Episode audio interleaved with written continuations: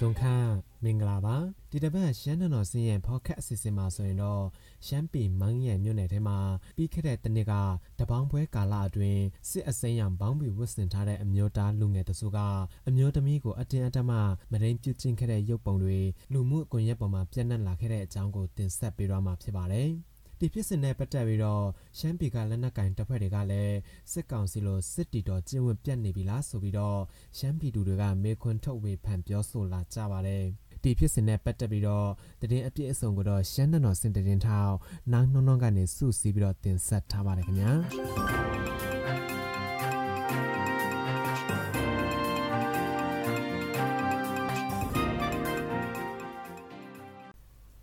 စိမ်းရောင်စီဝတ်ဆုံကိုဝတ်ဆင်ထားတဲ့လူငယ်တစုကအမျိုးသမီးငယ်ကိုဝိုင်းပြီးတော့မဒိန်ကျင့်နေတဲ့ရုပ်ပုံတွေလူမှုကွန်ရက်စာမျက်နှာပေါ်မှာပြန့်နှံ့လာခဲ့ပါတယ်။အဲ့ဒီရုပ်ပုံဟာရှမ်းလူငယ်အမျိုးသားလေးဦးကအစိမ်းရောင်စစ်ပေါင်းပြီးရှေကိုဝတ်ဆင်ထားပြီးတော့အပေါ်အင်ဂျီကိုတချို့ကအနက်ရောင်ဝတ်ဆင်ထားသလိုတချို့ကတော့ဝတ်ဆင်ထားတာမရှိဘဲနဲ့အသက်20ဝန်းကျင်ရှိတဲ့အမျိုးသမီးငယ်ကိုဝိုင်းပြီးတော့မဒိန်ကျင့်နေကြတာပါ။အဲ့ဒီဖြစ်ရကတော့ ရှမ်းပြည်မြောက်ပိုင်းမိုင်းရဲမြို့နယ်မန်ပုံကျေးရွာအုပ်စုမကမုံလုံကျေးရွာက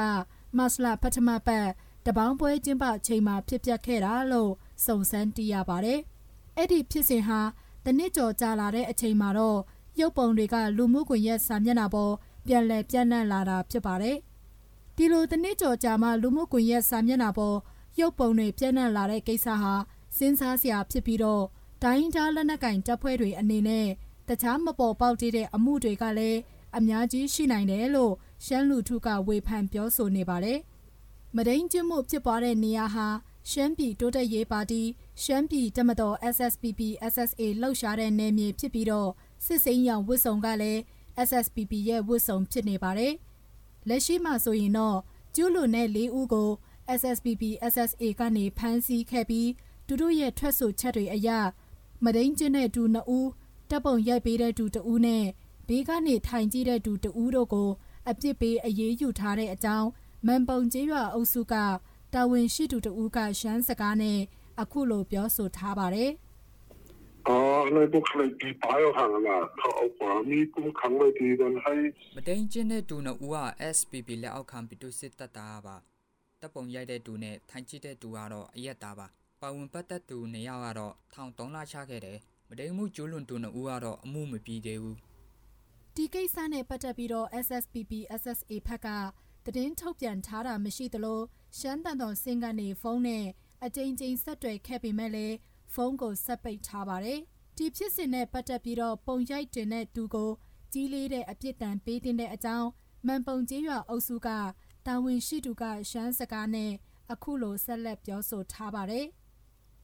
就会对那他们帮考的那个那个人家等那个ออกมาရောနဲ့เขาขึ้นอายุคันเป็นออกมาရော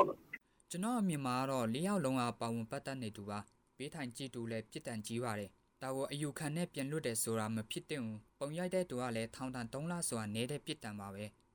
လက်ရှိမှာဆိုရင်တော့ SSPP SSA ကစစ်ဆေးအရေးယူနေတဲ့မဒိန်ကျွလွန်ခဲ့သူရှမ်းလူငယ်နှဦးရဲ့အမှုဟာမပြီးသေးတဲ့အကြောင်း သူကအခုလိုဆက်လက်ပြောဆိုထားပါတယ်။အမ်ဒီလိုက်တဲ့ဟောကွန်ဖုန်းချေအောင်လေအလုံးရမ်းနေတယ်ကုလူကိုဟောဟောဟောဟောထပ်နေတယ်ကျွန်တော်အမြင်ပြောရရင်တော့သူတို့ကတခြားသူတွေရဲ့တမီးပြိုတွေကိုလှုပ်ခဲ့ဘူးလို့ရက်ဆက်ခဲ့ဘူးလို့အခုလိုလုံနိုင်ကြရလို့ထင်တယ်အစိုးဆုံးကတော့သူတို့လှုပ်ပြီးတဲ့ကိစ္စကိုလိုင်းပေါ်တင်တဲ့ကိစ္စပေါ့ဒါကကိုလူမျိုးအရှင်းရှင်းကိုအုံမဲတောက်တာဖြစ်တယ်အရှင်းရှင်းကြားစော်ကားရလည်းဖြစ်တယ် အုပ်စုလိုက်မသိန်းကျင်တာကိုခံရတဲ့အမျိုးသမီးငယ်ဟာလက်ရှိမှာဆိုရင်တော့စိတ်တန်ရာဖြစ်ပြီးအရှက်စိတ်နဲ့ပတ်ဝန်းကျင်ကိုစကားမပြောရဲပါဘူး။ဒါလီလိုက်တန်တမနေကနောင်းရင်လည်းတော့ဆမ်ကိုဟတ်လာတဲ့နေကရောဝိုင်းမအဲအိုအိုနိုဝန်ကွာနေအမျိုးသမီးငယ်ကလည်းကျမရေးပိုင်းစိတ်တန်ရာတန်ရှက်တွေရသွားတယ်လို့ဖြစ်သွားတယ်။အီအားလိုပုံမှန်မဟုတ်တော့ဘူး။သူ့မိဘတွေသူ့ဆွေမျိုးတွေကလည်းသူ့ကိုပြုစုစောင့်ရှောက်ပေးတာရော ရော်ကြေးရတယ်လို့ကြည့်ရပေမဲ့ဘလောက်လဲဆိုတော့အတိအကျမတီးရဘူးတကယ်ဆိုရင်ဒေတာတသက်တကျွန်းဖြစ်ရမှာဒိုင်းဒါလက်နက်ကင်တပ်ဖွဲ့လှုပ်ရှားတဲ့နယ်မြေမှာအမျိုးသားလူငယ်တွေအုပ်စုဖွဲ့ပြီးအမျိုးသမီးကိုမတိန်ကျင့်တာဟာအလွန်ကိုရုပ်ဆိုးအကျဉ်းတန်တဲ့ကိစ္စဖြစ်ပြီးတော့လူမျိုးရေးအတွက်လက်နက်ကင်တော်လန်နေတဲ့ရှမ်းတပ်ကိုစော်ကားရလောက်ရက်တစ်ခုဖြစ်တဲ့အကြောင်းရှမ်းမြောက်ဒေတာအမျိုးသမီးအရေးကိုလှုပ်ရှားဆောင်ရွက်နေသူအမျိုးသမီးတဦးက ရှမ်းစကားနဲ့အခုလိုပြောဆိုထားပါတယ်။အော်အန်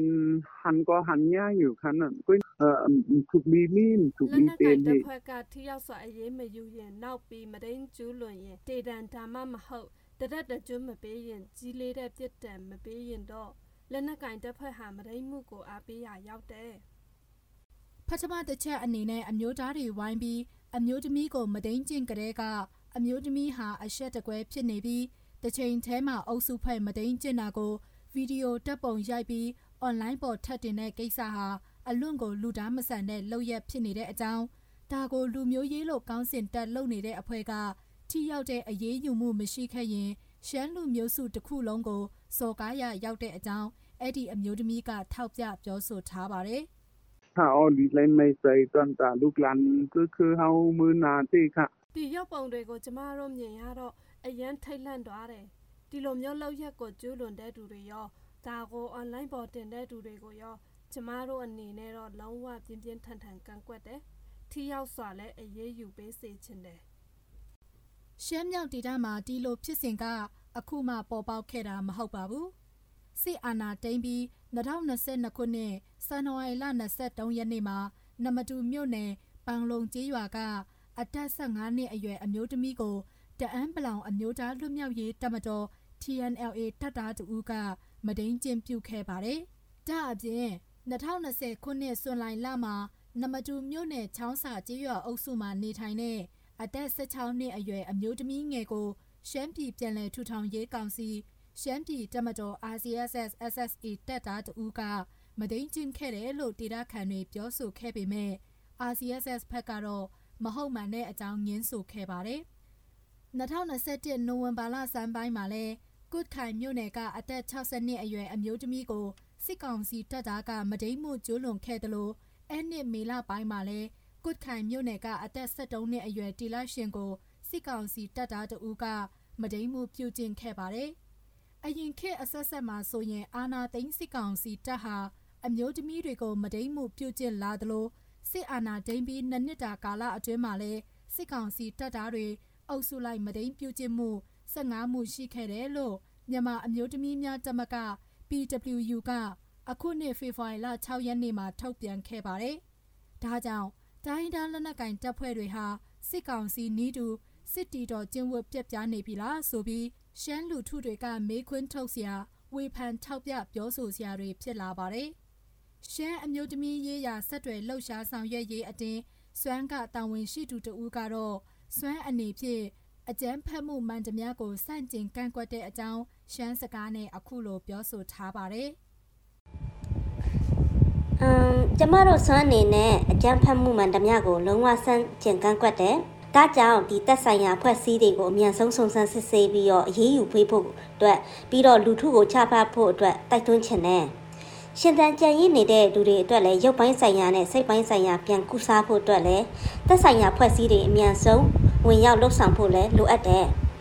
ဒါအပြင်ကျွလွန်ခံရတဲ့အမျိုးသမီးရှင်တန်ကြံရစ်နေတဲ့အမျိုးသမီးရဲ့ပုံရိပ်တွေကိုလည်းဆိုရှယ်မီဒီယာအွန်လိုင်းပေါ်မှာတင်တာတွေမပြုတ်လောက်ကြဖို့စွမ်းကတိုက်တွန်းပြောဆိုထားပါတယ်။ရှင်တန်ကြံရည်သူအမျိုးသမီးပုံနဲ့အဖြစ်ပြက်ပုံတွေကို line ပေါ်မှာတင်ပြီးတော့ share နေတာတွေလည်းမလုပ်ဖို့ပေါ့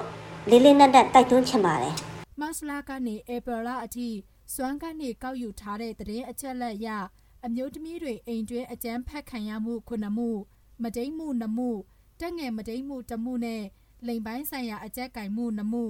ရင်းနှီးကျွမ်းဝင်သူအချင်းချင်းအကြမ်းဖက်မှုတစ်မှုရှိလာတဲ့အကြောင်းသိရပါတယ်။မြန်မာနိုင်ငံဟာကမ္ဘာကုလသမဂ္ဂလုံခြုံရေးကောင်စီဆုံးဖြတ်ချက်အမှတ်1325ကိုတဘောတူညီထားတဲ့နိုင်ငံတစ်နိုင်ငံဖြစ်ပါတယ်။လုံခြုံရေးကောင်စီဆုံးဖြတ်ချက်အမှတ်1325ထဲမှာတော့